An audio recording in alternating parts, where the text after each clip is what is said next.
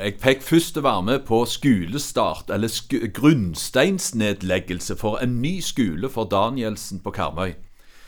Ungdomsskolen der. De skal bygge nå nytt bygg, har fått ei flott tomt som de har fått kjøpt av kommunen.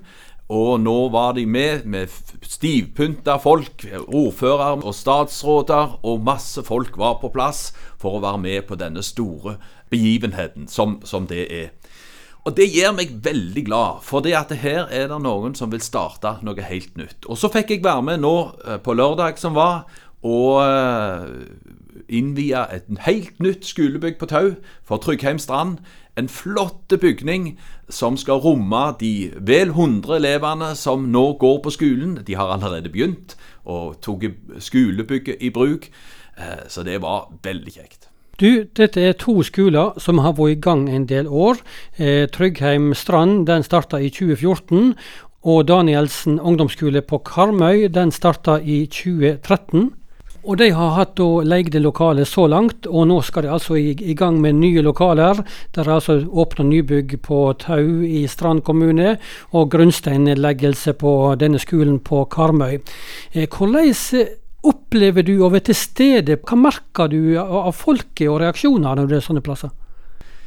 Først og fremst merker jeg en enorm begeistring og, og en, en, utstråling av de menneskene som får, får, være med på dette. De er så glad fordi at uh, de får lov å være med og bygge en skole. Og etablere et læringsmiljø, godt læringsmiljø. Uh, en trygg plass for barn og ungdom å få lov å gå. Og så får du møte et personale som er så stolt av den plassen de får lov å arbeide på og være en del av. Så jeg opplever egentlig den er sånn eh, Ja, eh, en kjempebegeistring eh, å få se. Det syns jeg er kjekt. Og så opplever du òg dette med dugnad. F.eks. nå en ny skole som skulle være klar nå på Tau til skolestart nå. Og innsatsen nå med dugnad før de, før de var i land helt. Ja, altså eh, det er jo en, en sånn eh, når, når, dugnadslederen eh, sto der framme på, på Tryggheim strand og, og ble eh, hylla med blomster og heder og ære, så sier da rektor det at jeg prøvde mange ganger å komme tidlig på skolen for å komme før deg, og prøvde å være lenge for å gå, være der på mange måter lenger enn deg, men jeg klarte det aldri, sa hun. Du var alltid til stede. Og så møtte jeg dugnadslederen etterpå, og han å, det var så kjekt å være med. Det var med begeistring. Og i hans har de lagt ned en enorm innsats for å få dette til. Alt uteområdet, det er gjort på dugnad. Dette er det vi kaller for kristne friskoler.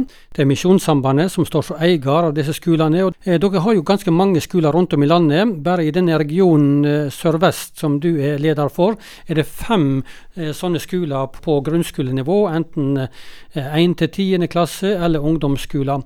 Hvorfor er det viktig med denne friskolen? Altså Friskolen, og den kristne friskolen, den er på mange måter et, en arena der at eh, barn ungdom kan få lov å, å være i samsvar med heimen sin tenkning om den kristne oppdragelsen og kristen undervisning.